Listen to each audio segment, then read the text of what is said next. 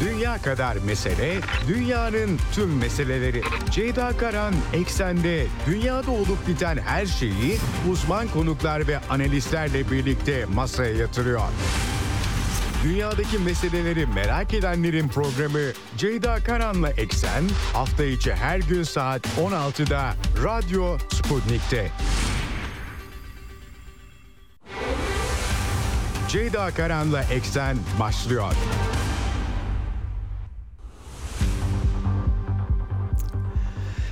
Eksenden merhabalar efendim. Bugün 21 Kasım 2023 günlerden salı dünyadan haberlerle yine karşınızdayız. Yine yüklü bir gündem var. Orta Doğu ve Ukrayna ayakları e, diyelim aktaracağım size. İsrail'in Gazze'deki harekatı 7 Ekim Hamas saldırısıyla başlayan harekatı 46. gününde bugün. Yine can kayıpları var. 13.300'ü aşmış durumda e, rehine takası ile ilgili görüşmelerde bir takım gelişmeler olduğu haberleri var ama yine temkinli yaklaşmak lazım. Geçen haftada bu söylenmişti. Dün akşam bir takım pazarlıkların Mossad Başkanı'nın Doha'ya gittiği Katar'da görüşmeler yapılıyor. Açıklamaların gelebileceği söyleniyor e, şimdiye kadarki bilgiler o yönde. Tabi dünyadan eleştiriler devam ediyor. E, küresel diplomasi hareketleniyor, BRICS hareketleniyor. BRICS toplantısı yapılacak video konferans yoluyla Gazze temalı. Yine e, G20'nin de toplantısı olacağı söyleniyor. E, aynı zamanda yine Gazze temalı Çin'i ziyaret etti bir heyet 11 Kasım Riyad zirvesinde oluşturulan bir heyet Arap Birliği ve İslam İşbirliği Teşkilatı'nın ortak heyeti Türkiye'de dahil buna ve ardından Moskova'ya gidiyorlar. Moskova'da da temasları var. Yani Gazze etrafındaki küresel diplomasinin hareketli olduğunu söyleyebiliriz. Aynı şekilde Amerikan yönetiminden açıklamalar var, İran'dan açıklamalar var. Çatışmaların devam ettiğini belirtmem gerekiyor. Cumhurbaşkanının tabii yine dün kabine toplantısı sonrası İsrail ile ilgili sert çıkışları var. Geçtiğimiz cuma günü Almanya'yı ziyaret etmişti Cumhurbaşkanı Erdoğan. Daha öncesinde İsrail'i terör devleti olmakla suçlamıştı. Netanyahu için gidici demişti. Hamas'ı siyasi parti gördüklerini söylemişti ve İsrail'in atom silahlarını, elindeki nükleer silahları gündeme taşımıştı. Almanya'da da aslında eleştirilerini devam ettirdi ama üslubu bir tık daha diyelim e, farklıydı. Almanya ile Türkiye arasında tabii çok önemli ilişkiler var. Avrupa Birliği değil sadece Türk-Alman ilişkileri bunların da önemine dikkat çekmişti ve biraz da böyle ilişkileri koparmadan bir takım işleri çözme meselesi. E, bugün e, hem yenilenen açıklamaları biraz da bir retoriğin de arttırıldığı görülüyor. Hem de e, Almanya-Türkiye ilişkileri sadece Gazze bağlamı değil ama tabii Erdoğan'ın Berlin'deki tavrı da Almanya'da yankı yaratmış durumda. Programın son bölümünü buna ayıracağım. Bu konuya ayıracağım. Hafta sonu araya girdiği için ve dün Çin'e başladık. Çin-Amerika zirvesiyle bu konuyu atlamadan e, geçmek istemiyorum doğrusu. Nasıl algılandı? Her şeye rağmen birlikte çalışma iradesinin de altını çizmek gerekiyor tabii ki. Pek çok not var. Tabii Ukrayna'dan notlar var. Dün Pentagon şefi Lloyd Austin Kiev'e gitti. Amerikan medyasında, İngiliz medyasında arka arkaya Ukrayna yönetiminin savaşı kaybetmekte olduğu saptamaları var. Ancak bu saptamalar yapılsa da bir adım atılmıyor. Herhangi bir adım ufukta gözükmüyor. Ee, yalnız tabii yardımlar azalıyor. Mermi sıkıntısı var. Orta Doğu'ya gidiyor artık Amerika'nın kaynakları öyle gözüküyor ve sadece 100 milyon dolarlık bir yardım açıklayabildi. 106 milyar dolar bunların 60 milyar doları Ukrayna kalanı İsrail istemişti Joe Biden ama kongreden bunu çıkartamadı ve gerçekten çok azı gitmiş durumda. Cepheden görüntüler var e, notlar var size aktaracağım tabii e, ve Kiev yönetimi içerisindeki sıkıntılarda bunların işaretlerinde arttığını söylemek gerekiyor. Avrupa'dan da notlarım olacak. Aynı zamanda Ukrayna çatışmasının tabii ucunun bucağının gözükmemesiyle birlikte Avrupa'daki sıkıntılı durumda eksik değil. Ve Latin Amerika'da El Loco dönemi e, çılgın deli e, Miley seçildi Arjantin'de ve bunun yankıları devam ediyor. Yarın daha detaylı bir biçimde bakacağım ama Venezuela Devlet Başkanı Nicolas Maduro Arjantin'de neonazilerin iktidara geldiği tespiti yapmış durumda efendim. Evet yüklü bir gündem var hemen uzatmadan e, frekanslarımızı tekrar etmek istiyorum. İstanbul'dan 97.8, Ankara'dan 96.2, İzmir 91, Bursa 101. 4 ve Kocaeli 90.2 karasal yayın frekanslarımız bunlar. Buradan bizi dinleyebilirsiniz. Sputnik Türkiye'nin web sitesi üzerinden cep telefonu uygulamasında yine canlı yayından bizi dinleyebilirsiniz. Telegram hesabınız varsa en kolayı Radyo Sputnik'e katılmak hem canlı yayınlar hem de daha sonra kayıtları arkadaşlarım Telegram hesabına yüklüyorlar. Dolayısıyla ekseni kaçırırsanız sonradan dünyada ne olmuş ne bitmiş merak ederseniz Telegram hesabından rahatlıkla bizi dinleyebilirsiniz. Diyelim başlayalım eksene. Dünya kadar mesele, dünyanın tüm meseleleri. Ceyda Karan Eksen'de dünyada olup biten her şeyi uzman konuklar ve analistlerle birlikte masaya yatırıyor. Dünyadaki meseleleri merak edenlerin programı Ceyda Karan'la Eksen hafta içi her gün saat 16'da Radyo Sputnik'te.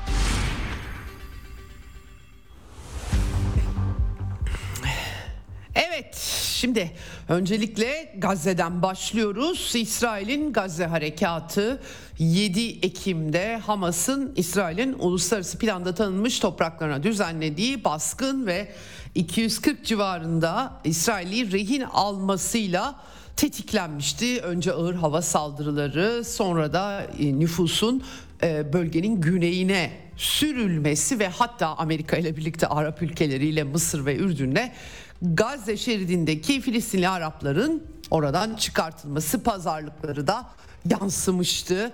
Tabii e, işler e, nasıl gidiyor? Can kayıpları bölgede çatışmanın bir kere ucu bucağı henüz gözükmüyor. Onu belirtmek gerekiyor ve Gazze şeridinde can kayıplarının sayısı 13.300'ü geçtiği açıklandı Filistinler tarafından. Bunların 5.600'ü çocuk. Yaklaşık 31 bin civarında yaralı var ve bunların da %80'inin çocuk ve kadınlardan oluştuğu belirtiliyor. Hamas tabii e, en az 5600 bu arada enkaz altında da siviller olduğu ve çocuklar olduğu belirtiliyor. Hani daha da fazla e, olduğunu ima ediyorlar.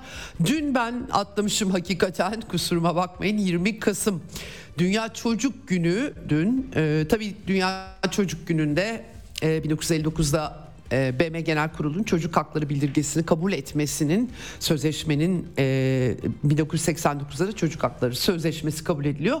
Bunun yıl dönümü 20 Kasım dolayısıyla tabii dikkatlerde Gazze'ye çevrildi bu kadar çok çocuğun bu kadar kısa süre içerisinde hayatını yitirmesi. Ee, öldürülen İsrail askerlerinin sayısı da 27 Ekim yani kara harekatıyla denk gelecek şekilde söylüyorlar bunu tabii 66 olarak açıklandı ama çok daha fazla olduğu söyleniyor. Kuzey cephesiyle birlikte e, Hamas ve direniş cephesi kaynakları 2000'den fazla olarak veriyorlar ama bu çok tabii büyük bir rakam bilemiyorum hangisi doğru. Ee, Can kaybıyla ilgili bu arada Amerikan dışlarının açıklaması var. 7 Ekim'den bu yana 5 İsrail askeri 6 Amerikalı kimi Amerikalılar aynı zamanda Yahudi asıllı İsrail'de askerlik de yapıyorlar. Onları kastediyor olduklarını anlıyorum burada. Şimdi tabii bir de gazetecilere yönelik saldırılar var. Ee, sağlıkçı kurbanları var bu çatışmanın 200'ü çoktan aştı BM kurumlarında çalışanlar.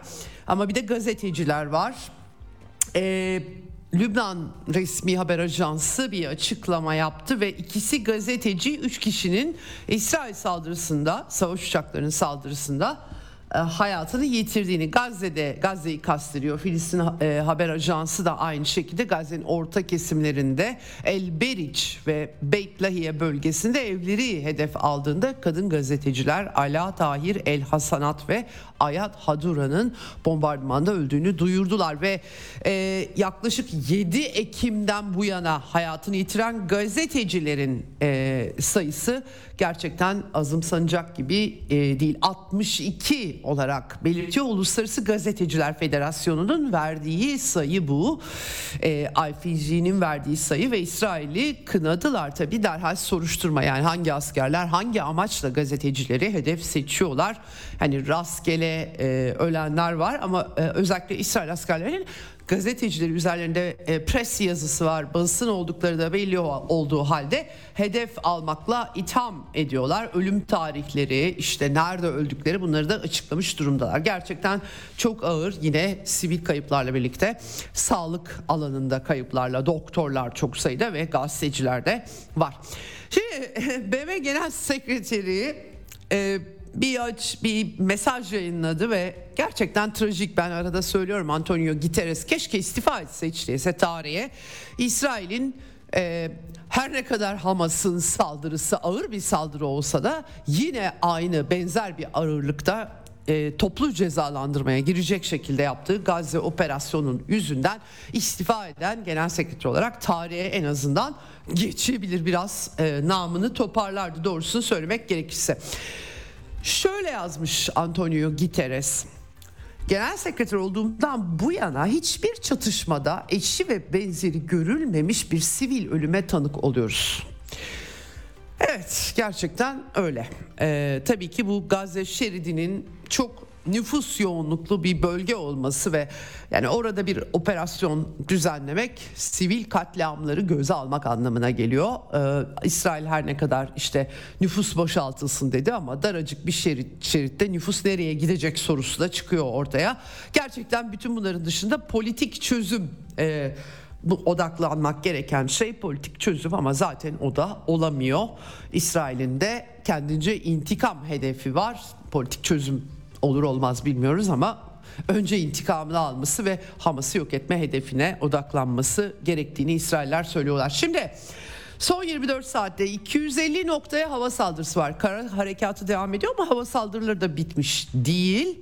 Doğrusunu söylemek gerekirse. Financial Times gazetesi baya böyle grafik analizlerle de son birkaç haftada Gazze'nin kuzeyinde binaların yaklaşık yarısının tamamen ya tamamen yıkıldığı da çok ciddi hasar oturulamayacak kadar hasar gördüğünü yazmış. Yani oturulabilecek bir yer bırakılmadığı aşikar. Dün aktarmıştım size yüksek mahkeme binasını ele geçirdikleri İsrail ordusunun bilgileri gelmişti. Onun fotoğrafı da geldi. Askerler önünde poz vermişler. Yani bir çeşit fethetme oluyor bu. Mecliste de aynı görüntüleri e, yasama meclisinde de görmüştük Gazze'deki.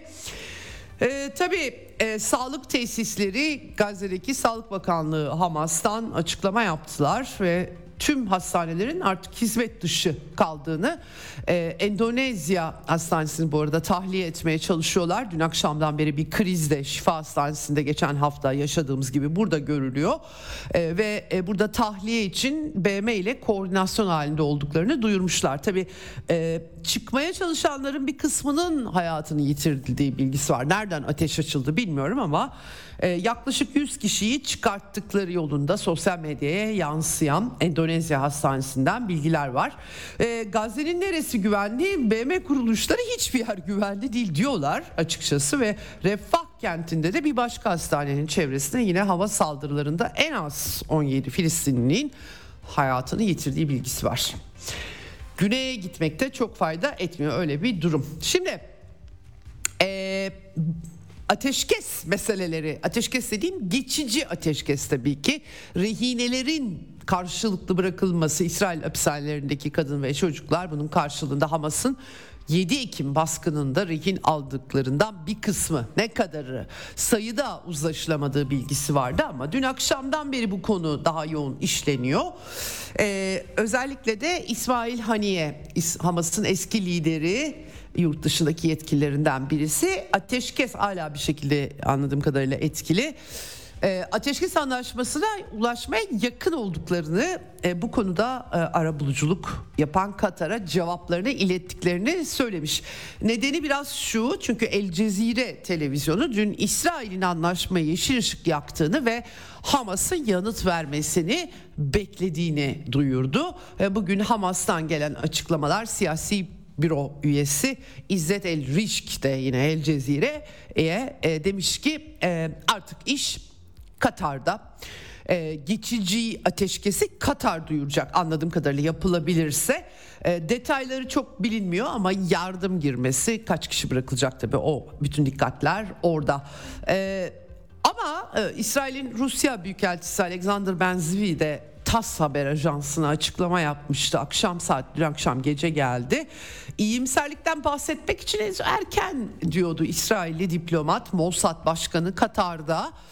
Ee, tabii Amerikalıların da bir takım baskılar yaptı. Yani bunun bir noktada artık bir kısım rehine artık 40 46. gün ve bir kısım rehinelerin en azından karşılıklı bırakılmasıyla bir geçici ateşkes sağlanması e, en azından e, yani listeler kontrol ediliyor filan bu bir işaret olabilir. Tekrar hatırlatmak lazım. 2014'te de yine bir başka çatışma, savaş Gazze'ye hatta kısmi kara harekatı yapmıştı İsrail o dönemde de ve 51 gün sürmüştü. Şu an 2014 çatışmasındaki e, süreye yaklaşmaktayız. 46. gün bir kez daha hatırlatıyorum. Şimdi bir yandan da tabii bu rehine değişikliği geçici ateşkes diyoruz ama İsrail acil e, bu e, savaş kabinesi üyesi eski savunma bakanı Benny Gantz'ın yaptığı açıklama var. İsrail Ordu Radyosu'na açıkça dedi ki geçici ateşkes ve rehinelerin bırakılmasının ardından Hamas'ı yok etme operasyonuna devam edeceğiz.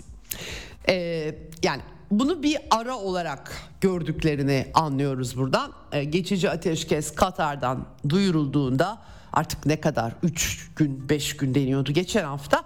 O süre içerisinde bir şekilde İsrail hapishanelerinden bir takım kadın çocuklar bırakılacak. Karşılığında rehinelerin bir kısmı bırakılacak ve o 3-5 günün devamında İsrail ordusu e, devam edecek operasyonlarına. Bu sözlerden bunu anlıyoruz. Ama tabii İsrail'de de bu rehine krizi e, var hakikaten. Çok sesleri de daha kısık işitiliyor.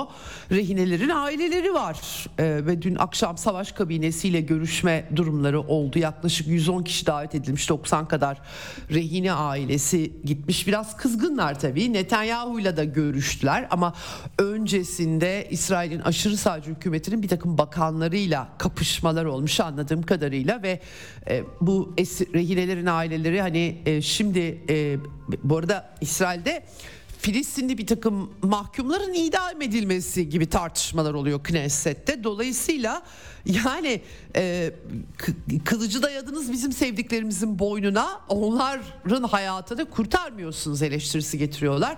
Gerçi Netanyahu e, açıklamalar yapmış İsrail Başbakanı ailelerin acılarını dinledim gönülden bir konuşma yaptık işte 7-24 çalışıyoruz diplomatik istihbarat operasyonel vesaire benim kişisel sorumluluğum rehineler e, geri dönecek savaş kabilesinin sorumluluğu diyor ama yani hakikaten durum çok parlak değil. Bir de e, bu koşullar altında bu geçici ateşkes neye yarayacak onu da bilmiyoruz. Şimdi bir yandan da iddialar var. İsrail ordusunun yedek askerlerini büyük çapta terhis ettiği iddia ediyor. İsrail bir yedek ordusu dolayısıyla büyük bir harekata giriştiğinde düzenli ordunun sayısı yetmediği için yedek askerleri göreve çağırıyorlar. Bu doğru mudur bilmiyorum bu iddialar.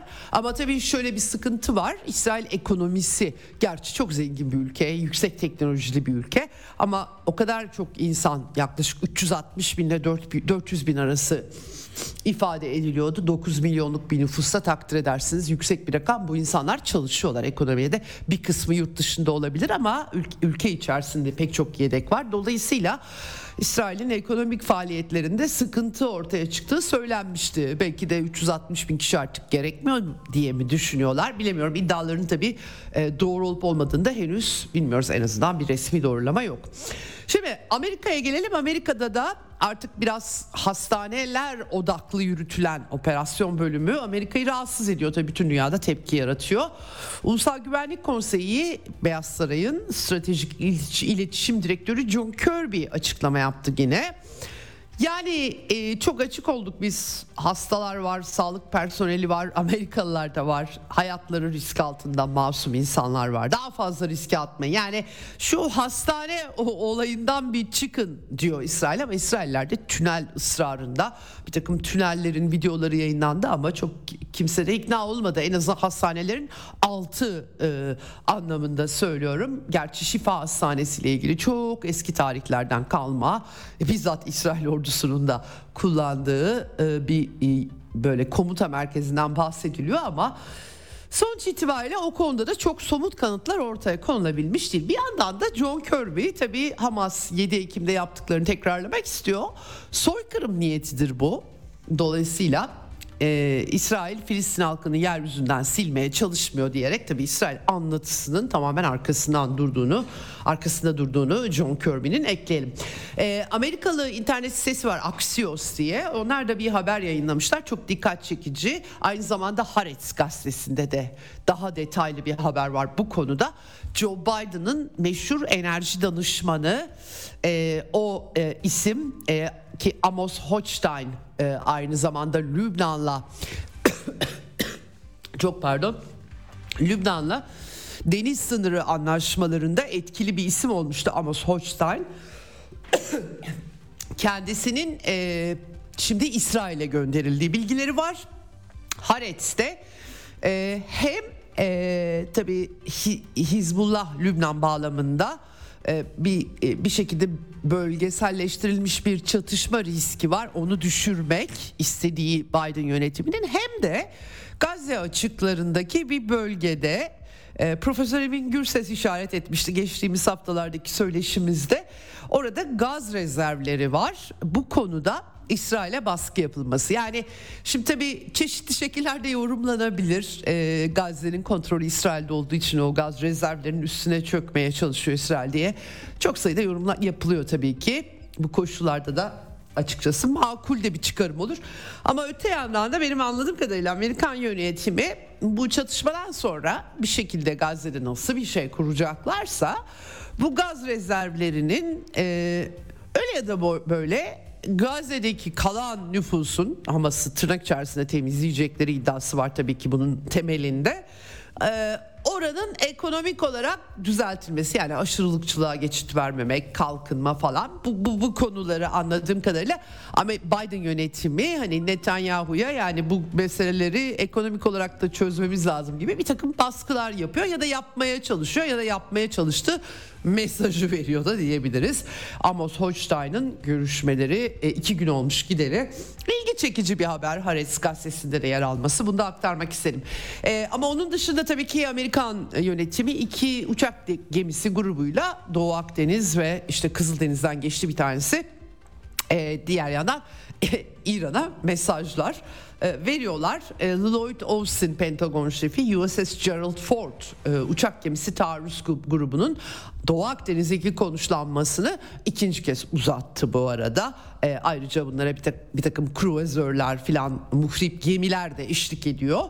E, dolayısıyla yani bölgedeki Amerika'nın İsrail lehine caydırıcı gücünü de bir kere daha teyit etmiş oldular. Bu arada tabii karşı cephede neler oluyor? Ee, Hizbullah Genel Sekreter Yardımcısı yani Nasrallah'ın yardımcısı Şeyh Naim Kasım'ın açıklamaları oldu. O da diyor ki Filistin direnişi uzun bir süre daha sebat edebilir bilgilerimiz var. Yani öyle hemen yenilmeyecek. Çünkü pek çok insanda aslına bakarsanız hemen Gazze'nin kuzeyi güneyinden bir şekilde ayrıldığı için bitmiş değil her şey ama Hamas'ın yenilmekte olduğu intibağı e, çıktı ve işte e, Lübnan'dan da tabii Hizbullah'tan da yenilirse devreye gireriz diye açıklamalar geldiği için bir e, diken üstünde olma hali var. Ben açıkçası yani Hizbullah yönetiminin böyle bir tuzağa düşmeyeceği kanaatindeyim. Koşullar itibariyle de konuşmuştuk geçen hafta Lübnan'daki durumu. Ama e, sonuç itibariyle böyle bir olasılığın da açık olduğunu söylüyorlar. Velhasıl e, dikkat çekici tabii Hizbullah Genel Sekreter yardımcısı Şeyh Naim'in e, Filistin direnişi daha uzun bir süre daha dayanır e, diye bir tespiti var. Aynı zamanda da tabii e, Hizbullah'la kuzeyde e, sınır bölgesinde e, karşılıklı birbirleri vurmaya devam ediyorlar. E, İran Devrim Muhafızları Ordusu Başkomutanı Hüseyin Selami'nin de açıklamaları var. E, Siyonistler yenildiler diyor Kendisinin tespiti bu. Ee, biraz şöyle bir mantık tabii ki çocukları ve bebekleri öldürerek ve masum Filistin halkını bombalayarak e, zafer kazanmış gibi gösteriyorlar ama e, bu yenilgileri anlamına geliyor. Yani askeri anlamda bir zarar veremiyorlar ve siviller öldürüyorlar diyor e, aslında Türkçesi bu. Her gün İsrail savunma güçlerinin 15 tank ve zırhlı personel taşıyıcı kaybettiğini öne sürmüş. Yani doğrulayamıyorum doğrusu tabii ki o tarz bir çatışmada e, belki de İsrail ordusunun verdiği e, sayılardan daha fazla olabilir. Tabii onda altını çizmek lazım. Bir de Ensarullah hareketi yine İsrail gemilerine saldırıların devam edeceği açıklaması yaptı. En son bir gemi sahiplerinden biri İsrail'le anladığım kadarıyla Japonya ile de bağlantılı bir yapısı var, sahiplik yapısı var. Ee, onunla ilgili tartışmalar da var. Avrupa'dan notlar var onları hemen aktarayım. Ee, çok öne çıkmıştı İspanya'da da hükümet kuruluyor. Yine Pedro Sanchez Sosyalist Parti liderliğinde koalisyon hükümeti.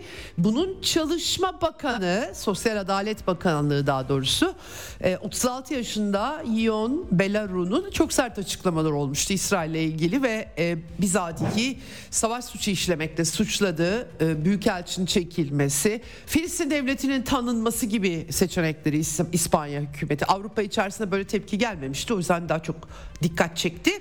Şimdi tabii e, UCM'ye de başvurulması, ceza mahkemesi işlemi neyse artık. E, kendisi görevden alınmış efendim. Böyle bir durum var. Yani İspanya'da bir tavır koyuyor ama bu tavrın e, sınırları olduğunu anlıyorum.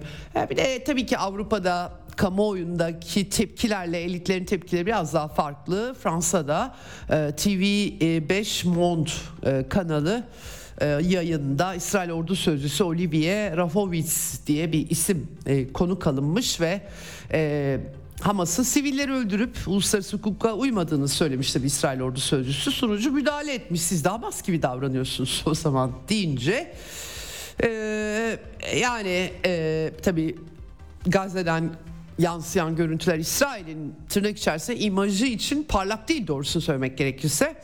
Hamas karargahı var şifa hastanesinde deyince tepki göstermiş ve o da itiraz edince bir itiş kakış olmuş anladığım kadarıyla. Gazeteci gibi davranmıyorsunuz diye eleştirmiş İsrailli sözcü ve e, yayından alınmış. Öyle bir durum var. Tabii yani ee, Avrupa kamuoyunun tepkilerin bir kısmı televizyon kanallarına tabii yansıyor. BBC'de bile pek çok şey görebiliyoruz. Kısmi olarak söylüyorum. Ee, e, çok e, kitlesel gösteriler hemen her yerde e, yasaklamalar olsa bile düzenleniyor onu belirtmek gerekiyor. Bugün efendim BRICS olağanüstü toplantısı var. Ee, Güney Afrika Başkanlık Ofisi'nden duyurusu yapıldı. Video konferans yoluyla yapılıyor. Vladimir Putin de Rusya'dan katılacak tabii BRICS üyesi. Aynı zamanda Rusya, Hindistan, e, Çin ve Güney Afrika'dan oluşuyor ama e, Ağustos'taki zirvede genişleme kararı alınmıştı ve Suudi Arabistan, Arjantin, Arjantin belli değil şimdi seçimler oldu ama Mısır, Etiyopya, İran ve Birleşik Arap Emirlikleri 1 Ocak 2024 itibariyle BRICS üyesi olacaklar. Karar çıkmıştı. Antonio Guterres de katılacakmış bu toplantıya. E, video yani ben yayına giderken henüz bir e, e, içerik görmemiştim. Bunun dışında bir de Hindistan'ın daveti üzerine yarın da G7 liderler zirvesi yapılacak. Tabi burada Gazze gündeme gelir mi? E, doğrusu e, bilemiyorum ama e, Çinliler şimdi Joe Biden da Xi Jinping'le e, San Francisco'da yeni zirve yaptı biliyorsunuz. Böyle bir uluslararası format, küresel çalkantılı durum. Belki oradan da bir şeyler çıkabilir. Arap Birliği ile İslam İşbirliği Teşkilatı da 11 Kasım'da Suudi Arabistan'ın başkenti Riyad'da ortak zirve düzenlemişti ve orada bir komite oluşturuldu. Çin'i ziyaret etti bu komite. Bugün Moskova'da ee, ve tabii ki Putin, Sergey Lavrov ağırlayacak bu heyeti Arap ülkeleri ve İslam İşbirliği Teşkilatı Dışişleri Bakanlarıyla birlikte Gazze'deki durumu ele alacaklar. Ee, geçici ateşkes işte takas, rehineler vesaire diyorum ama bu ateşkesin tabii kalıcı hale getirilmesi ve İsrail ile ilgili daha sıkıştırıcı gündemler var burada. Onu belirteyim. Ee, hemen ardından Londra 22 Kasım ee, Evet yarın pardon bugün tabii Moskova'da yarın Londra'da ve Paris'te. Tam zamanlamasının kesin tarihleri bilmiyorum ama Rishi Sunak Britanya Başbakanı ve Fransa Cumhurbaşkanı Emmanuel Macron'la da bu heyet ortak heyet e, görüşecek ve tabii ki Gazze'deki mesele. Bugün yine Rusya'da aynı zamanda Türkiye Rusya Dışişleri Bakan Yardımcıları düzeyinde de bir başka ikili meselelerle ilgili görüşmeler olduğunu anlıyorum gelen bilgilerden. Şimdi Türkiye ile ilgili Türkiye dün 170 Türk vatandaşını Gazze'den tahliye edildiğini duyurdu ve Milli Savunma Bakanlığı'nın gönderdiği uçakla bir kısım hastalar da aynı zamanda refakatçileriyle Türkiye'ye geldiler. Gazze'deki hastalar Türkiye'de ağırlanıyor. Sağlık Bakanı Fahrettin Koca onları karşıladı ve Mısır ve İsrail ile işbirliği içerisinde hareket ettiklerinin altını çizdi Sağlık Bakanı. Tabii Cumhurbaşkanı kabine toplantısı sonrası akşam saatlerinde açıklama yaptı. Kapsamlı bir açıklamaydı. Biraz dış politika ayağı yüklüydü. Gazze meselesi de öne çıkıyordu. Ee, ne dedi Cumhurbaşkanı? Kafkasya'dan bahsetti. Size aktarmakta hep not alıyorum aslında ama ilginç şeyler oluyor, gelişmeler oluyor. Ermenistan'ın e, attığı adımlar, Paşinyan'ın yayınladığı sosyal medyadan e, İran'ı bypass eden e, videolar bilemiyorum. E, bölgesel barış yapacağız diye bölgenin bir ülkesini bypass etmek ne kadar haz edilmiyor olsa bile ne kadar barış getirir ondan emin değilim ama ee, öte yandan da Azerbaycan'la Ermenistan arasındaki gerilim de bitiyor değil e, açıkçası. Paşinyan e, nasıl bir beklenti içerisinde çok bilmiyorum. Paşinyan daha çok Ukrayna'ya mermi sağlamakla iştigal ediyor. Kolektif Güvenlik Anlaşması örgütünden bir şekilde çıkma çıksak mı acaba e, söylemlerini gündeme taşıyorlar. Yani çok parlak değil Ermenistan'ın durumu. Cumhurbaşkanı da Ermenistan'la ilgili açıklama yapmış Karabağ Savaşı'na işaret ederek Ermeni halkı ve yöneticilerinin e, güvenliğin binlerce kilometre ötede değil komşularıyla barışta olduğunu görmesini umarız demiş Erdoğan. Aslında doğru tespitler söylemiş bana sorarsanız. E, gerekli adımlar Azerbaycan'la işbirliği Türkiye'nin yardımcı olmaya hazır olduğunu söylemiş. Şimdi tabii Cumhurbaşkanı biraz kendi ideolojik pozisyonunu yansıtıyor bu tür açıklamalarında. Ee, şöyle bir iddiası var Cumhurbaşkanı'nın Türkiye'nin e, sosyal devlet olduğu e, kurucu kadronun hayallerini süsleyen kimsesizlerin kimsesi olan Cumhuriyet özlemi bizim gayretlerimiz neticesinde 21 yılda idealden çıkıp hakikate dönüşmüştür demiş. Valla ben daha çok özelleştirmeler görüyorum sosyal devlet. Acaba ayda 300-500 para yatırılınca sosyal devlet olduğu belki öyle bir fikir olabilir tabi bilemiyorum nereden yola çıkarak. Sosyal devlet e, ta, derin bir tartışma tabii ki. Şefkat şemsiyesi e, mefhumu var Cumhurbaşkanı'nın andığı. Devletin şefkat şemsiyesi ve sadece Türk halkı değil bir de her yer. İşte Afat, Kızılay, Türk, Afganistan, Balkanlar, Afrika Uygur kardeşlerimiz, Ahıska Türkleri, Kırım Tatarları, Kerkük Türkmenleri, Gazze halkına da bu anlayışla e, yardım ediyoruz biz. E, demiş yani e, şöyle bir şey yani biraz Osmanlı Osmanlı e, mirasımız var bizim buraları da. E, bizim kültür ve Cumhurbaşkanı siyasi coğrafya demiş. Onu anlayamadım tam. Siyasi coğrafya kültür coğrafyası anlaşılır bir şey tabii ki. Ama siyasi coğrafyadan pek bir şey anlamadım doğrusu.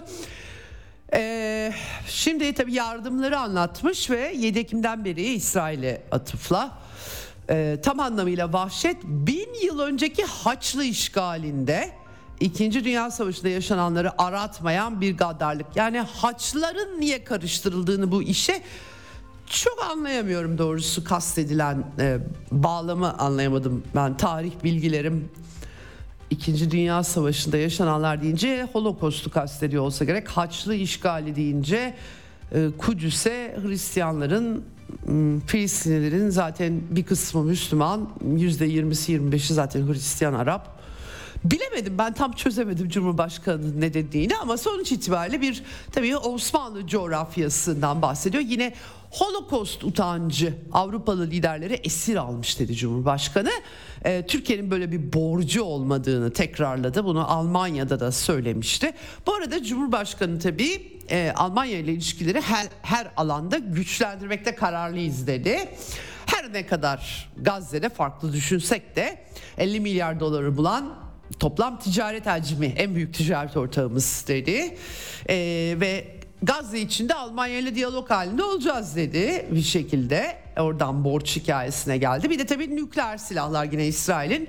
Başkaları ses çıkarmayabilir ama biz unutturmayacağız. İsrail'in nükleer silahları meselesinin unutulmasına ve unutturulmasına Türkiye olarak izin vermeyeceğiz dedi. Gerçekten güçlü bir çıkış bu. Çünkü e, Amerika koruduğu için kimse cesaret edemiyor. Madem nükleer silahların var o zaman bütün nükleer silah sahibi olan ya da olduğu iddia edilen ya da sadece silah da değil nükleer enerji eğer istiyorsanız efendim Uluslararası Atom Enerjisi Ajansı Birleşmiş Milletler'e bağlı onların denetimini de kabul etmeniz gerekiyor. Tabii İsrail bütün bunlardan muaf ve anladığım kadarıyla Cumhurbaşkanı diğer kalan söylemler biraz retorik olduğu için ve iç politika tüketimi olduğu için ve dışarıdaki insanlar evet Cumhurbaşkanı Erdoğan çok iyi çıkışlar yapıyor fakat somut adım nedir ki diye sorguladığı için önemli de bir damar yakalamış gözüküyor Erdoğan. O da İsrail'in nükleer silahları meselesi, belirsizlik politikasını dağıtacak şekilde bir gündemde tutmak. Bu da retorik olabilir ama daha en azından siyasete e, çevrilebilir bir retorik bana sorarsanız. E, diğer e, e, retorik hiç de bir yere varmayacak retorik düşünüldüğü zaman bu önemli. Ee, onun dışında evet e, de, diğerlerini anlattım size bir takım şiirlerden alıntılar var tabii romantik olunca böyle oluyor. Ee, anlayamadığım cümle zaten hani Kudüs meselesi diğer yerler e, e, Türkiye'nin siyasi ve kültürel sınırları kendi resmi sınırlarından değil Adriyatik'ten Çin Seddi'ne çok daha geniş bir hattan başlar. Kültüreli anlıyorum ama siyasi anlamıyorum. E, çünkü siyasi sınır dediğiniz zaman yani başka bir şey demiş oluyorsunuz. E, fiziki sınır dememiş elbette ama siyasi demesi de başka bir anlam taşıyor. O yüzden orayı tam çözemedim. Bir de Cumhurbaşkanı bugün Gazze'ye itiraz etmezsek yarın vaat edilmiş topraklar denilen işgalci fanatizmin kendi topraklarımıza uzanmasına engel olamayız diye de bir cümlesi var. Ne demek istiyor? Burada da İsrail Türkiye'yi işgal edecek mi demek istiyor acaba diye akıl yürütüyorum. Tam somutlamamış çünkü. Evet ve Cumhurbaşkanı bu arada İsrail'in tabi terörle mücadele ettiği argümanını kabul etmiyor. Türkiye'nin ise Suriye'de terörle mücadele ettiğini bir gece ansızın gelebiliriz cümlesinin de e, gerçek olabileceğini tekrarlamış yine alçak sinsi plan sahiplerinden bahsetmiş. Evet şimdi Cezayir'de bugün e, Cezayir'in özellikle sekülerizmi, laikliği önemseyen Cumhurbaşkanı Tebun tarafından, Abdülmecit Tebun tarafından e, ağırlanıyor Cumhurbaşkanı. İşbirliği adımları atılması tabii Gazze ile ilgili mesajlar e, bekleniyor bugün. Evet şimdi Ukrayna'ya bakalım hakikaten çok önemli gelişmeler oluyor. Bugün 21 Kasım öncelikle bundan 10 yıl önce 21 Kasım 2013'te Kiev'de meydan darbesi tetiklenmişti. Protestolar başlamıştı. Ee, pek çok rivayet var bu konuda. Batı Ukrayna'dakilerin Kiev'e otobüslerle taşındığı iddiaları belgesellere de konu olmuştu. Sonuç itibariyle muhtemelen Ukrayna başkentindeki pek çok kişi e, Avrupa Birliği üyesi biz de Avrupalı olacağız artık biz hani Doğu Avrupalı Slavlar olmaktan çıkacağız ve beyaz beyaz Batı Avrupalılar olacağız demokrasi gelecek fikriyle hareket ettiler. Büyük olasılıkla çoğu iyi niyetliydi. Tabii çok sayıda keskin nişancı kiralanmıştı. Hem polisi Berkut birliklerini öldürdüler hem de sivilleri öldürdüler.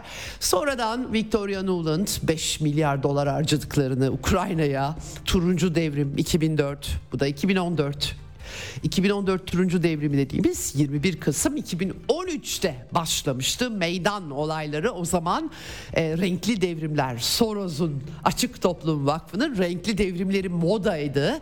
Ülkelere oradan demokrasi geleceği söyleniyordu. Bunun yolunun yordamı da çok yolu yordamı da çok önemsenmiyordu efendim. Pek bir şey gelmedi doğrusu. Banderacılar çıktı Cumhurta'dan. Biliyoruz ve 10. yıl dönümü bugün 8 e, yıl boyunca BM Güvenlik Konseyi'nin 2202 sayılı Minsk anlaşmalarının uygulanması yani Odessa katliamı, Ukrayna'nın doğusu Rus Ukraynası burayla ilgili hiçbir şey uygulanmadı. Batılılar bunu zaman kazanmak için kullandılar. Bunu da açıkça dile getirdiler. Geçen sene bir yıl kadar önce Angela Merkel bizzat BM onaylı Minsk Anlaşması'nın sadece ve sadece Ukrayna ordusunu askeri gücünü kullanmak için oyalamak maksatlı olarak Rusya'ya yaptıklarını röportajlarında dile getirmişti. Ee, nur topu gibi bir kriz çıkardılar Avrupa'nın ortasında. Ve 10 yıl sonra bugün maalesef yani gülüyorum ama acı acı gülüyorum. Egemenlik kaybı. Amerika paralarını ödüyor Ukraynalıların askerler dahil olmak üzere. İflas, ekonomik iflas, batıdan yardım olmasa işleyebilir bir devlet yönetimi kalmayacak. Nüfus, nüfusun üçte biri azaldı. Bu arada 5 milyon insan Rusya Federasyonu'na gitti. Bunu hatırlatmak istiyorum. Ukraynalı mülteciler diyorlar ama yani yarısı batıya gitti, yarısı Rusya'ya gitti. Doğal olarak orası Rusya coğrafyası zaten. Eski Sovyet coğrafyası böyle. Efendim tabii AB'ye katılacak, NATO üyesi olacak diye insanları bu şekilde e, böyle bir retorik sürüldü.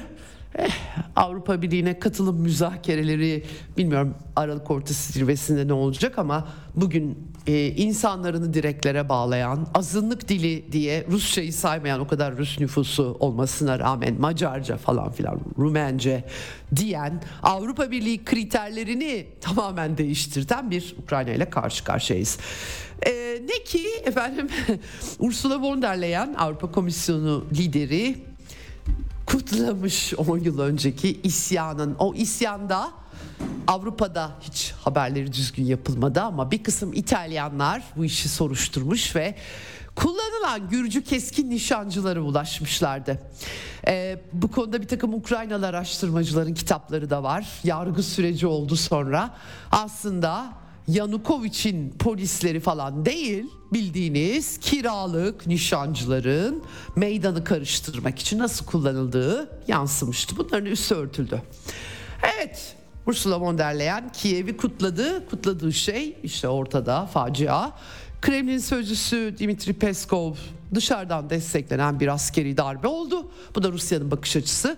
Ee, seçilmiş bir devlet başkanı vardı, anayasal hükümet vardı. Bunu devirdiler anayasal hükümetin devrilmesi darbe anlamına gelir. Bu şekilde okuyorlar.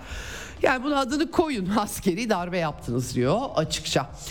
Amerikalılar bunları biliyorsunuz işgal etmiyorlarsa ülkeleri demokrasi getirme, demokrasi darbesi diyorlar. Tabii ki içeride ülkelerin içinde kendilerine destek olan insanlar da eksik olmuyor elbette. Evet bugün cephede durum parlak değil Ukrayna cephesinde. Dün de aktardım aslında. Geçen hafta da kısmen Avdiivka bölgesi Donetsk'te ee, Rusya giderek kontrolü Rusya birlikleri geliştiriyor. Stepovoye tren hattının batısında bir köy oralara kadar uzandılar. Ee, o bölgeyi ele geçirirlerse bir kıskacı alınmış durumda Avdiivka kıskacı kapatacaklar. Hakikaten Kupyansk cephesi, Bahmut cephesi her sonda bir Ukrayna güçleri adacıklara çıktılar denilmişti. Krinki köprü başı oldu denilmişti. Oradaki Ukrayna durumu Telegram hesaplarından görüyorum. Hiç parlak gözükmüyor. Ee, çekilemiyorlar da bu arada. Sis yardımıyla bir takım yenilemeler yapsalar da. Çünkü çekilemezler. O zaman bütün cephelerde durum kötü olduğu için bir de çekilirlerse burada köprü başı elde ettik diye hemen Batı medyası ben benim size aslında son 11 e, ayda aktardıklarım geçen kıştan beri aktardıklarım e, Batılılar şimdi yazıyorlar bunları mecburen. Dolayısıyla bir başka yenilgi olacağı için oradan da çekilme durumu da yok gibi gözüküyor. Bir de tabii Rusya güçlerinin bu süreçte güçlü bir savunma kurduktan sonra pasif bir taarruz halinde olduğu, giderek eğitimlerin tamamlandığı ve acaba geçen sene de papatya falları açılmıştı. Kış taarruzu gelir mi gelmez mi bilmiyoruz ama e, durum Ukrayna ordusu için hiç parlak değil bunu belirteyim. E, Rusya Dış İstihbarat Servisi açıklama yapmış ve Batı ülkelerinin cephedeki başarısızlık yüzünden seferberlik faaliyetlerinin arttırılması bunu Ukraynalı bir takım askeri yetkililer de videolarında gördüm ben gerçekten dile getiriyorlar. Öğrencileri asker alalım diyorlar açıkça. Alt sınırı 17'ye düşürüp üst sınırı da 70'e çıkarmayı tartıştıkları. Gencecik insanlar ayrıca kadınlara ek seferberlik Ukrayna konusunda Lindsey Graham son Ukraynalıya kadar demişti. Bayağı bildiğiniz bir e, iki kardeş halkı birbirine kırdırıp bunların bir tanesini Ukraynalıları Rusya'ya karşı hiç Amerikan kanı akıtmadan silah olarak kullanmak. Çok iyi bir yatırım demişti Lindsey Graham. Hakikaten onu yapıyorlar.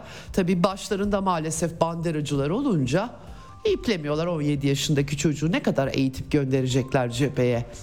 Yani inanılır gibi değil. Tabii e, Rusya'nın dış istihbarat servisi böyle 17 yaşındaki gençler savaş alanına atılmaya e, kalkışılacak böyle e, istihbarat aldıkları gerçekten de Ukrayna'dan böyle haberler geliyor bu arada. Bunu nasıl yorumluyor Moskova? Şöyle yorumluyor. Nazi Almanyası'nın üst düzey yönetimi 1944 sonbaharında Hitler gençliği müfrezelerinin çocuklarından oluşturduğu Nazi halk milislerini yani Volkstrom'u yaratma eylemlerini çok anımsatacak demişler. Zaten Stepan Bandera Nazilerle birlikte Polonyalı Yahudi Sovyet askerlerini Rusları katleden isimde Ukrayna devlet ideolojisinde en üst düzey sırada Bandera yer alıyor. Anladığım kadarıyla gencecik çocukları Almanya'nın meşhur o kartalıyla yürüyen e, neonazi çocukları da cepheye sürmeye çalışacaklar. Öyle gözüküyor. Fakat Zelenski The Sun gazetesine gazetecilerle buluştu. Savaş alanında durum zor mu? Evet zor ama Rusya, Rusya ile müzakere masasına oturmak mı? Asla diye bir açıklama yapmış kendisi. Bir yandan da dikkat çekici cümleleri var. Ee, ordu siyasete karış ordu siyasete karışmamalı. Büyük hataymış.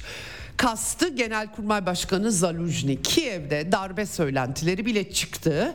Zaluzhny'ye yakın bir isim bir suikastle hayatını yitirdi.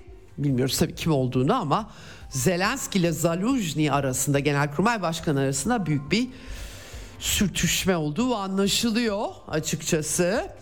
Ee, en son ekibinde değişiklik yapma e, ya çalıştığı ama askeri sağlık kuvvetlerinin başkanını bu arada görevden almış ama daha büyük generalleri almak istiyor alamıyor deniyor. CIA ben dün geçen hafta aktarmıştım size CIA Başkanı William Burns Kiev'e gitmişti. Ee, henüz bir kulis bilgisi yok onun ziyaretinden ama muhtemelen bu iktidar mücadelesi Kiev'in içerisinde bunu herhalde böyle birbirinizi yiyip darbe işlerine kalkışmayın mı dedi bilmiyorum. Tamamen spekülasyon yapıyorum. Ee, e, bu arada Zelenski'nin arkasındaki asıl o isim olmakla o, olarak görülen başkanlık idaresinin başındaki Yermak'ta Washington'a gitmiş durumda e, seçimler meçimler yapamayız demişti. Zaten Donbas'ta hiçbir zaman seçilmedi. Yani Donbas Zelenski'yi hiç seçmedi. 2014'ten beri sandık da kurulmadı orada. Hani temsiliyetten bahsediyorsak zaten Donbas'ta bir temsiliyeti yok Kiev'deki yönetimin. Ee, büyük olasılıkla Donetsk'tekiler de zaten bir banderacıyı Yahudi ya da değil seçmezlerdi onu belirtelim. Efendim e, size aktardım geçen hafta çok sayıda gazete Wall Street Journal, The Spectator dergisi İngilizlerin, e, Richard Haas'ın makalesi Foreign Affairs'te arka arkaya Rusya'ya karşı Batı'nın açtığı her cephede askeri cephe, ekonomik cephe, yaptırımlar bunlar da başarı sağlanamadığını açıkça dile getiriyorlardı zayıflatamadılar. Olağanüstü bir direnç. Şimdi en son Le Figaro'da yazmış bunları. Hepsi arka arkaya yazıyor zaten. Avrupa Birliği e, Daily Telegraph'ın haberi bu. Rusya'ya sıvılaştırılmış gaz için yaklaşık 6 milyar eurocuk ödemiş. Göya yaptırım uyguluyorlar bu arada. Amerika'dan pahalı LNG alıyorlar. Bir de 6 milyar dolarcık da Rusya'ya ödemişler. bir de Kuzey Akım 2'yi Amerikalılar patlatıp üzerine Zaluzni'nin üzerine birileri atmaya çalıştı. Böyle şeyler de katakulliler de çok. Dün e, e, Lloyd Austin Amerikan Savunma Bakanı Kiev'e gitmişti. 100 milyon dolar değerinde askeri yardım açıklamış. İçerisinde HIMARS'lar, işte çoklu roket atarlar, Stinger'lar, 155 ve 105 milimetre kalibreli top mermileri ki sayıları sınırlı. Javelinler falan var. Ee, tabii Lloyd Austin e, yeterli şey verdik demiş. E, savaş alanında nasıl kullanacaklarına, nasıl etkiyi senkronize edeceklerine kendileri karar verirler. E, yani böyle bir çatışmada sihirli değnek olabilecek bir silah yok demiş. F-16'ları verecekler mi bilmiyorum ama onlar da avlanacak deniyor. Durum parlak değil doğrusu söylemek gerekirse. Bu verilenlerle ne değişecek de bilmiyorum ama Amerika'yı son tahlilde ilgileniyor, ilgilendiriyor mu bilmiyorum. Almanya Savunma Bakanı da habersiz bir ziyaret yapmış. Hemen arkasından Boris Pistorius Moldova lideri Maya Sandu da yani ne yapıyorlar? Veda ziyareti mi ne mi gidiyorlar Kiev'e böyle arka arkaya bilemedim doğrusu ama böyle yorumlar var yani. ABD Başkanı da 81. yaş gününü kutluyor. Bir devasa pat pasta üzerinde alevli bir böyle mumlar var. Herkes dalga geçmiş tabii. 81 yaş dile kolay kaç tane mum koyacak üzerine. Hala ısrarla Amerikan Başkanı bir daha olmak istiyor 2024'te. Kendisi esprili bir insan bu arada. Bir sosyal medya paylaşımı yeni bir sosyal e, platformda demiş ki doğum günü mumu fabrikasındaki işçilere umarım sendikanız size fazla mesai yaptırmıştır diye de espri yapmış yani. Çok yaşlıyım çok mum gerekiyor hesabı. Komik tabii Donald Trump da o kendisiyle dalga geçiyor. Sağlık kişisel doktorunun testlerini e, ne şey yapmış açıklamış. hani ben sağlıklıyım diye bir de kilo veriyormuş Trump bilmiyorum. Zımba gibi mi çıkacak 2024'te karşımıza? Bir de Trump'la uğraşmamız gerekecek. Durum vahim. Farkı nedir derseniz ben çok fark göremiyorum doğrusu söylemek gerekirse ama tabii görenler var. Biden'ı daha iyi, Trump'ı daha kötü olarak algılayan çok insan var. Evet şimdi ee, mermilerle ilgili sıkıntılar bunlara dair haberler var. Onu belirteyim. Axios yapmış bu haberleri. Artık İsrail'e gidiyor diyor. Özetini söyleyeyim size yani. Aylık üretim oranları İsrail'e gidiyor. Dolayısıyla Ukrayna'ya o kadar mermi yok diyorlar. Ee, Rada e, başkanı dün e, Rus ulusal azınlığı yoktur Ukrayna'da ve olamaz demiş. Ve hakları ihlal edilmemeli. Nasıl oluyor anlamadım. Var tabii yani 1990 yılına kadar Ukrayna'nın neredeyse tümü Rusça konuşanlardan oluşuyor. Bugün de işte Donbas'ta e, çoğu Rusça konuşur. Hatta Ukraynalıların kendileri konuşuyorlar. Arada da büyük bir farklılık yok yani bu arada. Hani Rusça Ukrayna apayrı diller mi diye sorarsanız o da değil. Böyle bir e, açıkçası insanlık tuhaf bir e, yere sürükleniyor. Ben anlamakta zorlanıyorum bu tarz milliyetçilikleri. E, Duma Başkan Yardımcısı Rusya'da Anna Kuznetsova açıklamalar yapmış. Ukrayna'daki yetim çocukların Ukrayna Polonya sınırında pedofil şebekelere satıldığını söylemiş. Bu konuda parlamento çocuklara karşı işlenen suçları soruşturuyor. UCM'nin e, bana sorarsanız son derece temelsiz ithamları düşünülürse ama bu taşıyıcı anne olarak kullanmak ya da Ukraynalı beyaz sarışın çocuk batıda çok bir ara yaygın hale gelmişti. Maalesef böyle bir sıkıntı var. Bir çocuğun fiyatı 150 bin dolara kadar çıkabiliyormuş Kuznetsova'nın verdiği bilgilere göre. Ukrayna-Polonya sınırı derken orada e, kuyruk oluşmuş kamyonlar artık Polonyalılar Ukrayna'da Ukrayna Ukraynalı nakliyecilerden şikayet ediyorlar. Tarım ürünleri yazın kriz yaratmıştı. Ukrayna'nın ucuz tarım ürünleri nedeniyle Ukrayna e, Polonyalı çiftçiler isyan etmişti. Şimdi de nakliyeciler isyanlarda. Zaten Macaristan'ın tutumunu biliyoruz.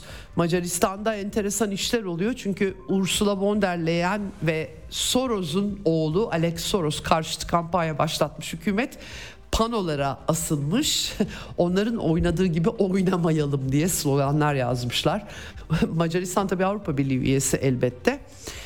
Efendim e, bir de tabii Türk Dışişleri Bakanlığı Rusya-Ukrayna müzakereleri ara buluculuk fikrini de canlı tutuyor anladığım kadarıyla iletişim kanalları olan iki tarafla ülke olarak böyle bir vurgu var. Stoltenberg NATO Genel Sekreteri de Balkan turunda e, Batı Balkanlar NATO birliklerine arttırma zaten Yugoslavya'yı böldüler. Hani diyorlar ya e, İkinci Dünya Savaşı'ndan beri Avrupa haritası ilk defa değişiyor. Aa Ukrayna'da değiştirmeye çalışıyor Rusya. Halbuki Yugoslavya ortada. Yugoslavya'yı kim parçaladı? Kendileri parçaladılar. Avrupa haritasını kim değiştirdi? ABD ve AB değiştirdi. Bunları anmıyorlar tabii ki. Onlar küçük garnizon devletçikler. Öyle böldük, parçaladık olsun diyorlar. Enteresan bir biçimde. Tabii NATO varlığı devam ediyor orada. E, NATO Genel Sekreteri yeni çatışmaları önleyeceğiz demiş bu sayede. Bilemiyorum önleyebilecekler mi ama en azından böyle açıklamalar e, yapmış durumda. Evet e, daha uzatamayacağım vaktim azalıyor. Şimdi Almanya'ya bakacağız. Türk-Almanya ilişkilerine bakacağız. Cumhurbaşkanı Cuma günü gitti. Almanya ile enteresan bir denge tutturmuş gözüküyor. Erdal Tekin'e bağlanacağız şimdi. Kısa bir tanıtım hemen buradayız bizden ayrılmayın.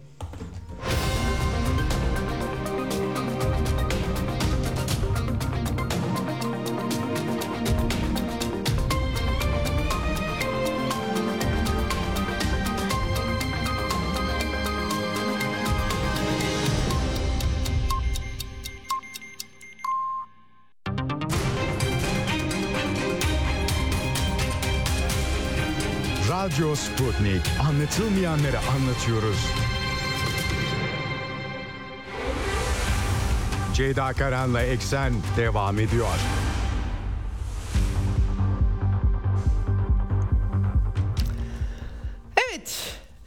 Ee, Eksen'in son bölümündeyiz. Ee, bugünkü konuğum e, Almanya'dan Erdal Tekin, Kanal Avrupa programının e, değerli yorumcusu, aynı zamanda siyasi danışman. Hoş geldiniz yayınımıza Erdal Bey. Ceyda Hanım hoş bulduk. İyi yayınlar diliyorum. Çok teşekkür ediyorum. Tekrar e, konuştuğumuz için de çok mutluyum, memnunum. E, Avrupa konuları şimdi bir de... E, ben de aynı şekilde.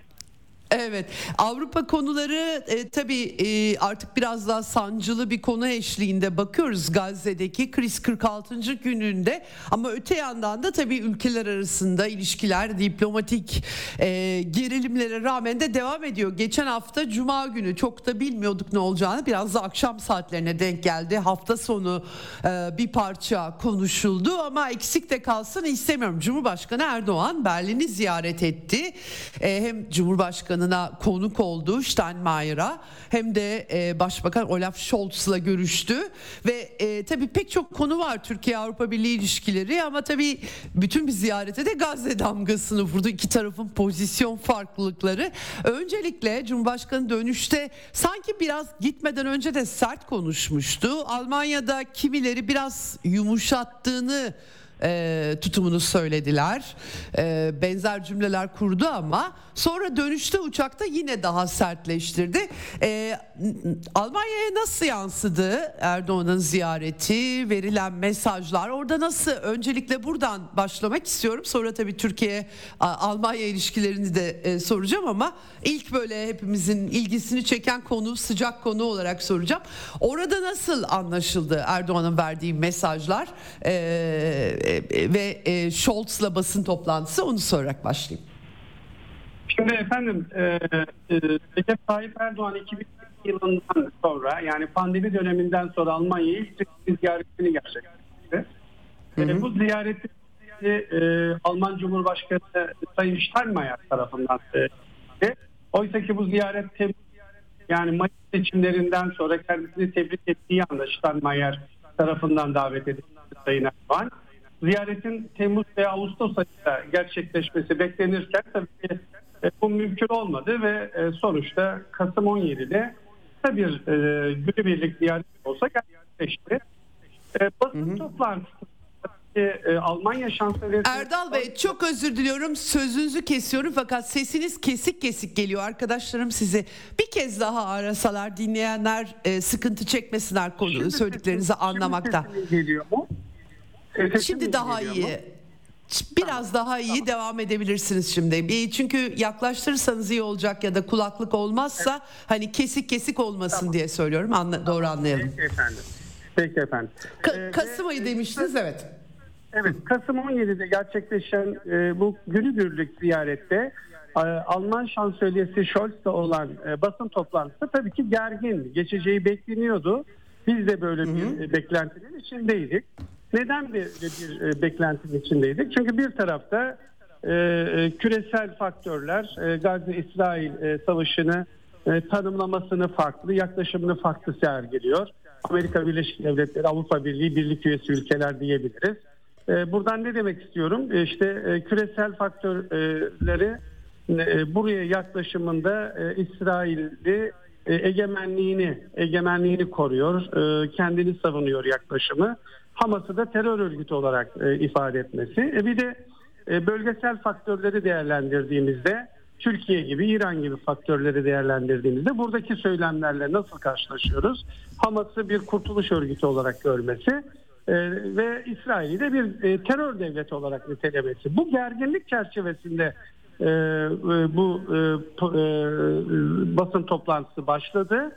E, Sayın Scholz'un tabii ki e, ifadelerinden sonra Sayın Erdoğan'ın e, böyle bir tepki göstermesi bekleniliyordu e, ve e, o tepkiyi gösterdi. Ama basın Ama terör devleti demedi galiba değil mi basın toplantısında Erdoğan? İsrail'e, So, evet. hayır, İsrail'e karşı bir terör devleti kelimesini kullanmadı ama Hamas'ın Hamas'ın bir e, bir kurtuluş örgütü e, olarak ifade etti ve en önemli aslında basın toplantısında ve basın toplantısından sonra bütün Batı Batı kamuoyunu rahatsız eden en önemli esas Sayın Erdoğan'ın e, Sayın Scholz'e karşı e, korkarak adım atıyorsunuz. Korkarak gerçekleri söylemiyorsunuz. Yani Rostok düşün, kelimesini kullanması e, tabii ki Alman medyasında, Alman kamuoyunda e, çok sert bir şekilde e, eleştirildi diyebiliriz.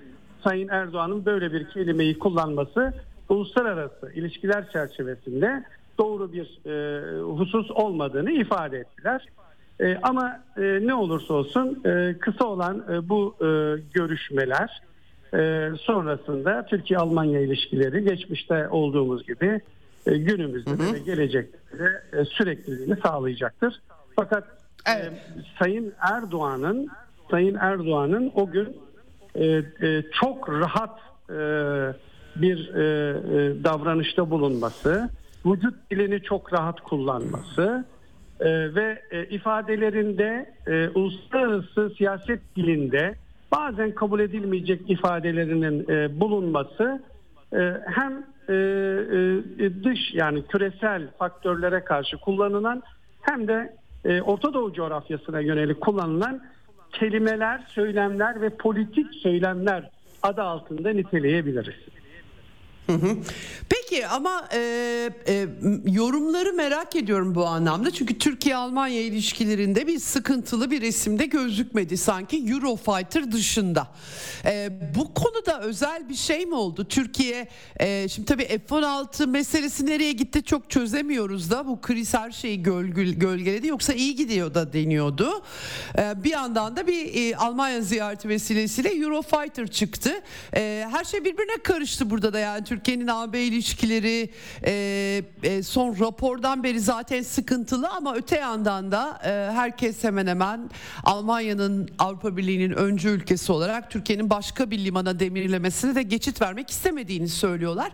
E, nedir e, bütün bu perde arkasında orada yorumlanan a, Türkiye-Almanya ilişkileri bakımından ve ayrıca da e, son e, basın toplantısında da e, ve ziyarette de gündeme gelen Eurofighter bakımından son durum nedir da sorayım hemen. Şimdi e, Ceyda Hanım e, şunu unutmamak gerekir. Size çok kısa bir şekilde kalem kalem çok birkaç cümleyi geçmemek e, kaydıyla Tabii, buyurun. Şimdi Türkiye Türkiye ile Almanya şimdi bu görüşmelerin, bu ziyaretin basın toplantısındaki e, yansımaların Türkiye-Almanya ilişkilerine çok sert bir şekilde etkisini beklemek yanlış olur. Neden yanlış olur? Çünkü Türkiye-Almanya arasında Türkiye ile Almanya arasında tarihi bağlar var. Derin köklü tarihi bağlar bulunmakta. En önemlisi Almanya'nın demografik yapısında 3 milyondan fazla Türkiye orijinli bir toplum var. Ve bu toplum ve bu toplumun oluşturduğu bir diaspora yani tam kurumsallaşmış bir diasporadan bahsedemeyiz ama bu ilişkilerin en belirgin özelliklerinden e, birileri. Bu durum her iki ülke arasında ekonomik, sosyal ve kültürel bir köprü oluşturuyor. Onun için de Almanya Türkiye'nin en önemli ticaret ortaklarından biridir aynı zamanda. Her iki ülke arasında geçmişten günümüze ekonomik olarak çok büyük bir işbirliği var. Şimdi bunların hepsini totalde topladığımızda bazı e, politikalarda anlaşmamazlık söz konusu olsa dahi Almanya Türkiye için en önemli bir ihracat pazarı ve her şey içinde bunların hepsini toparladığımızda ekonomisi ne kadar zorda olan bir Ankara'nın, bir Türkiye'nin de Almanya ile ilişkilerindeki bu kritik süreçlerde dahi olumlu bir siyasi yap, siyaset yapmak durumunda olduğu gerçeğini unutmayalım.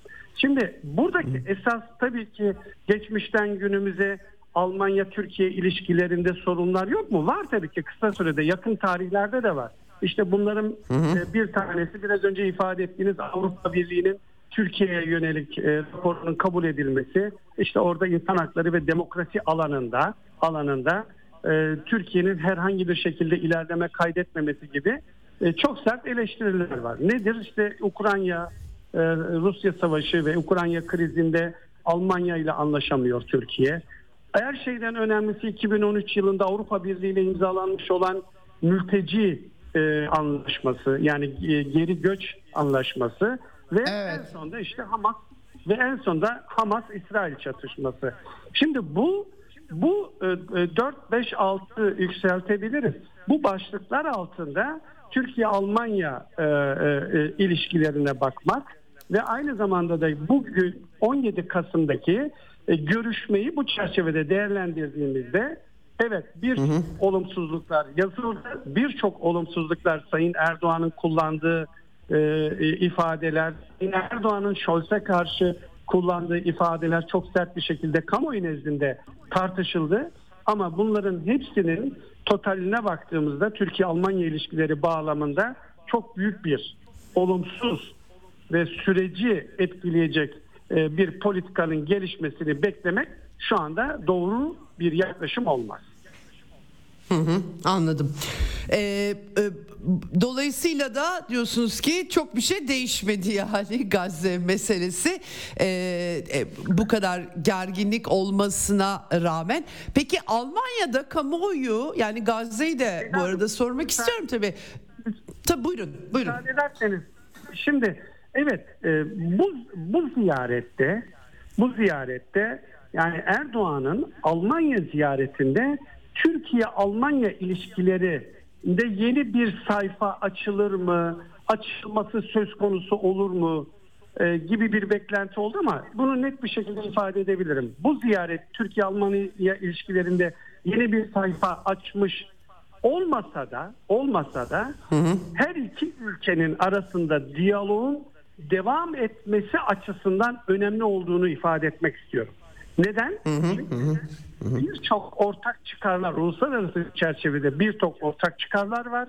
Birçok yapılan işbirlikleri var birçok alanlarda ve bunlar üzerinden bakıldığında en önemlisi de Almanya'da yaşayan Almanya'nın demografik yapısında 20 milyonun üzerindeki göçmen toplumun bugün 3 milyonun üzerindeki nüfusu oluşturan toplumda Türkiye orijinli toplum bunu e, dikkate alıp ona göre e, politik reçeteleri hı hı. her iki ülkenin de her iki ülkenin de e, e, siyasi reçeteleri çerçevesinde değerlendirmek gerekir. Hı hı, anladım. Peki e, şunu da soracağım size tabii Almanya Holocaust nedeniyle İsrail konusunda farklı bir politik çizgi izliyor ve bunda açıkça Scholz tarafından da dile getirildiğini görüyoruz ama öte yandan da e, şunu merak ediyorum Alman kamuoyu ile e, Alman halkının azımsanmayacak bir kesimi de gösterilerin bir kısmı yasaklandı ama hala da oluyor anladığım kadarıyla. E, Filistin e, meselesinde elitlerle e, halk arasında fark olduğu söyleniyor. Var mı gerçekten orada e, bütün bunların yansıma biçimi e, yani Cumhurbaşkanının bu arada tabii Türk toplumu herhalde Cumhurbaşkanının da dediklerini daha yakından dinliyor ama aynı zamanda da Alman toplumu e, bu vesilede bunun vesileyle nasıl anla, anlaşıldığını anlamak bakımından bunu da sormak istiyorum doğrusu Gazze'de olup bitenler. Tabii 7 Ekim e, Hamas'ın e, baskınının tetiklediği bir durum olduğu aşikar ama bir yandan da bir toplu cezalandırma gerçekten çok e, trajik görüntüler de var. Almanya kamuoyundaki nabzı tutmaya kalkışsak çeşitli kesimlerde e, daha çok Scholz'a mı eğilim e, gösterilir yoksa belki Erdoğan'ın söylemini mi merak ettim sizin değerlendirmenizi. Şimdi e, Ceyda Hanım e, şunu ifade Konya'daki siyaset kurumunun e, e, İsrail-Gazze çatışmasına yönelik kullandığı dille e, toplumun e, e, genelinde kullanılan dilin aynı olduğunu ve aynı paralelde olduğunu ifade edemem. Gerçekten e, e, bilinçli bir toplum yapısına e, sahip olan Almanya'nın genelinde toplumsal geneline bakıldığında e, Orta Doğu coğrafyasında yaşanılan bu olayı e, e, bir insanlık dramı olarak görüyor ve şiddetle şiddetle bunu kınadığını ifade ediyor ve Avrupa Birliği başta birliğin lokomotif ülkesi olan Almanya'nın da buraya yönelik e, söylemlerinin daha insancıl 21. yüzyıl dünyasında e, insanı öne çıkartan, insani değerleri öne çıkartan bir çerçevede değerlendirilmesi gerektiğini çünkü yakın tarihte insanlık tarihi bunun bedelini çok ağır bir şekilde ödediğini 21. yüzyıl dünyasında artık bu tür bedellerin ödenilmemesi gerektiğini söyleyen entelektüel kesim, aydınlık bilinci oluşmuş olan kesim hı hı. ve aynı zamanda da halkın tüm kesiminde böyle bir düşünce yapısına sahip olduğunu söyleyebiliriz. Ya zaten şu hı hı. şekilde ifade etmek gerekir ki ne olursa olsun 21. yüzyıl dünyasında bugünkü çağımızda bir dıştan bahsetmek bir insanlık suçu olarak ifade edilen bir noktada Alman toplumunun da genelinde Almanya'nın dışında birlik üyesi birlik üyesi ülkelerin de e, toplumlarının genellerinde İsrail Gazze Savaşı'na yönelik e, bir tepkinin olması, bir söylemin olması 21. yüzyılın bir gereğidir diye düşünüyorum. Hı hı. E, bu durumda Erdoğan'ın e, söylemlerinin Alman toplumunda e, aslında karşılığı var diye bir yorum yapılabilir e, herhalde bir, bir şekilde. Ya da nüanslar mı var bilemedim hani. E... Şimdi şöyle e, Erdoğan'ın e, basın toplantısında söylediği e, bir insanlık suçu işleniyor ve bu insanlık suçuna yönelik hep beraber bir tepki göstermemiz gerekiyor. İnsanların hı hı. yaşam şekilleri sahip olduğu inanç değerleri çerçevesinde değerlendirilmeden bu olayı değerlendirmemiz ve yaklaşmamız gerekiyor. Söylemenin aslında Alman kamuoyunda karşılık bulduğunu söyleyebilirim. Ama buna karşı buna karşılık e, küçümseyici e, tırnak içinde söylüyorum biraz daha böyle e, suçlayıcı e, söylemlerinin e, uluslararası çerçevede e, devlet politikalarında e, kullanılması e, kullanılması veya kullanılmaması gereken bir dil olduğunu da Alman kamuoyunun ifade ettiğini söyleyebilirim. Ama şunu ifade edebilirim. Almanya'da işte biraz önce siz söylediniz e, e, toplumun beyaz e, yıkılıların bir kısmında ve Almanya e, için alternatif büyük bir kısmında Recep Tayyip Erdoğan e, söylemlerinden büyük bir rahatsızlık duyulmuştur. Almanya Almanya'nın başkentinde böyle bir söylem veya böyle bir ifade kullanılamaz söylemleri de kullanılmıştır. E, bu toplantının yani bu görüşmenin totaline baktığınızda sonuç olarak e, e, her iki tarafta e, kendi düşünceleri çerçevesinde İsrail Gazze e, yönelik ifadelerini kullanmıştır. O toplantı sonrasında e, her iki ülkenin ilişkilerini zedeleyecek e, herhangi bir olduğunu ifade eder. Hı hı.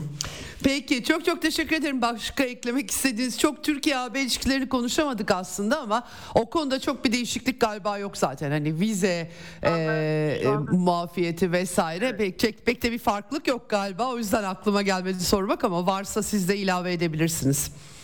Şu anda tabii ki Türkiye Avrupa Birliği müzakereleri istenilen bir noktada değil.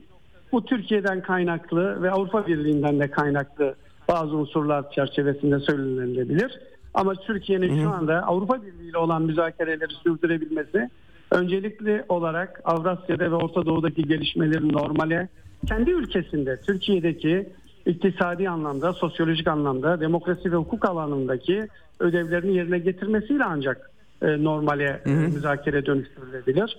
Ama bunun için e, şu anda konjonktürün uygun olduğunu düşünmüyorum. Ama e, Türkiye'nin bir devlet politikası olarak Avrupa Birliği ile olan müzakerelerinin sürekliliğini sağlaması gerektiğini ifade edebilir. Çok teşekkürler değerlendirmeleri için. Ee, Cumhurbaşkanı bir Berlin'den gitti, geçti. Arkasında biraz böyle bir e, görünüm bıraktı. Anladığım kadarıyla belirli konularda sıfı sıkıntılar var. Olumlu algılananlarda eksik değil aslında. Çok teşekkür ediyorum değerlendirme için. Rica ederim. İyi yayınlar diliyorum efendim. Sağ olun. Evet e, Erdal Tekil'le konuştuk. Cumhurbaşkanı e, Cuma akşam saatlerine de denk geldi.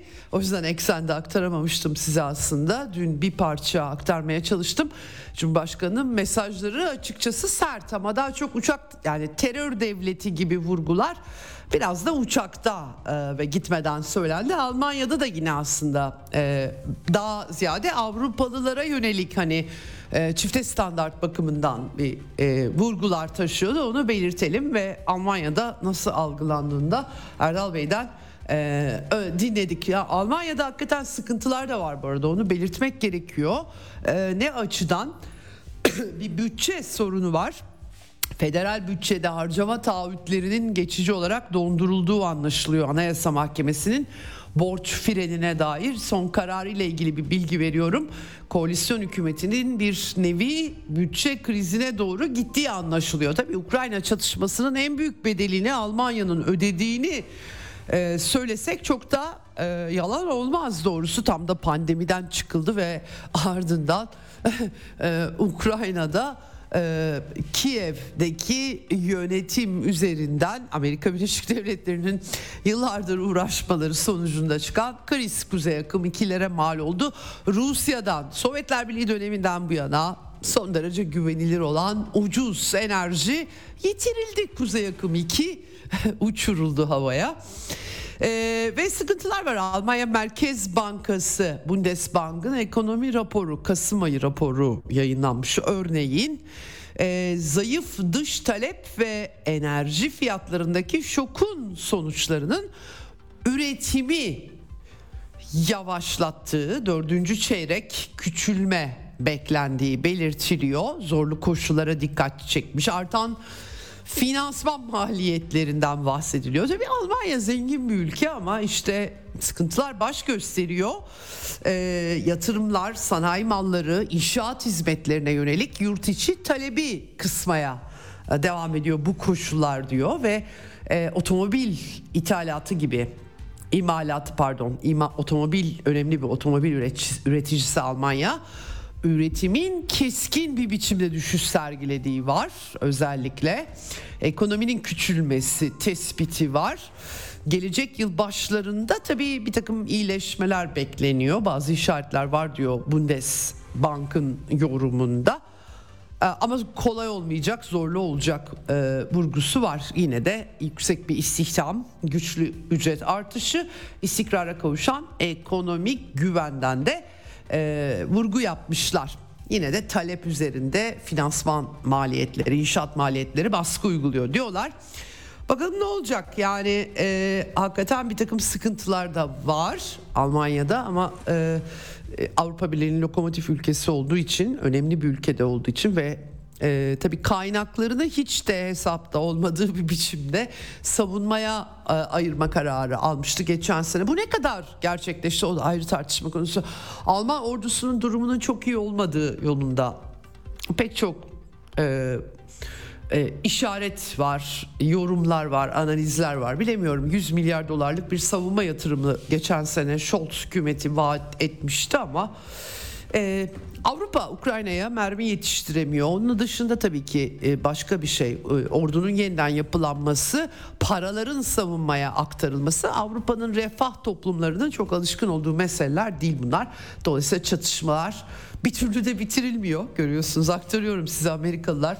Nasılsa Ukrayna'da 17 yaşında gençler, çocuklar, kadınlar falan da var. Onları da cepheye sürebiliriz diye mi düşünüyorlar artık? Ee, bunların ceremesini çeken ama tabii ki Avrupa ekonomisi ve dolayısıyla Avrupa halkları oluyor elbette. Ee, gerçekten böyle bir sıkıntı var. Bir, bir, bir artık vaktim de azalıyor ama Latin Amerika'dan dün kısmen aktarmaya çalışmıştım tabii Arjantin'de. E, maalesef e, seçimler sonucunda sağ popülist diyorlar, aşırı sağcı diyorlar ama e, gerçekten e, sıkıntılı bir isim seçildi öyle söyleyelim. Milei Javier Milei. Ee, çok el loco diyorlar deli diyorlar. Çünkü çocuk insan organ ticaretinden tutalım da polisin e, güvenlik için insanları tutuklamasını kolaylaştırmak devlet mallarının satılması savunması ülke para birimi yerine doları geçirmek basamayacağı paralar. Amerika'nın kolonisi olmak diyeceğim. Ee, bir yeni neoliberal model ve onun çılgın isimleri. Yarın bu konuya daha detaylı bakacağız. Bugün Venezuela Cumhurbaşkanı Devlet Başkanı Nicola Maduro yorum yapmış. Neonazilerin iktidara geldiğini söylemiş açıkça. Kiev'den sonra Latin Amerika'da da artık böyle oluyor herhalde. Ee, özelleştirmeler Arjantin'de Venezuela sessiz kalmayacak diyor. Lula da Silva e, Brezilya'nın solcu lideri e, tebrik de etti aslında ama son derece yakışıksız tepkilerle karşılaşmış Arjantin'in yeni liderliğinden. Gustavo Petro Kolombiya'nın sağın kalesiydi. Petro tıpkı Maduro gibi eleştirdi Arjantin seçimlerinin sonucunu. Yarın Latin Amerika e, Arjantin e, neofaşizmi diyelim ya da neonazizmi mi yükseliyor? Bunlara daha detaylı olarak bakacağım ama bugünlük eksenden bu kadar diyorum. Yarın görüşmek üzere. Hoşçakalın efendim.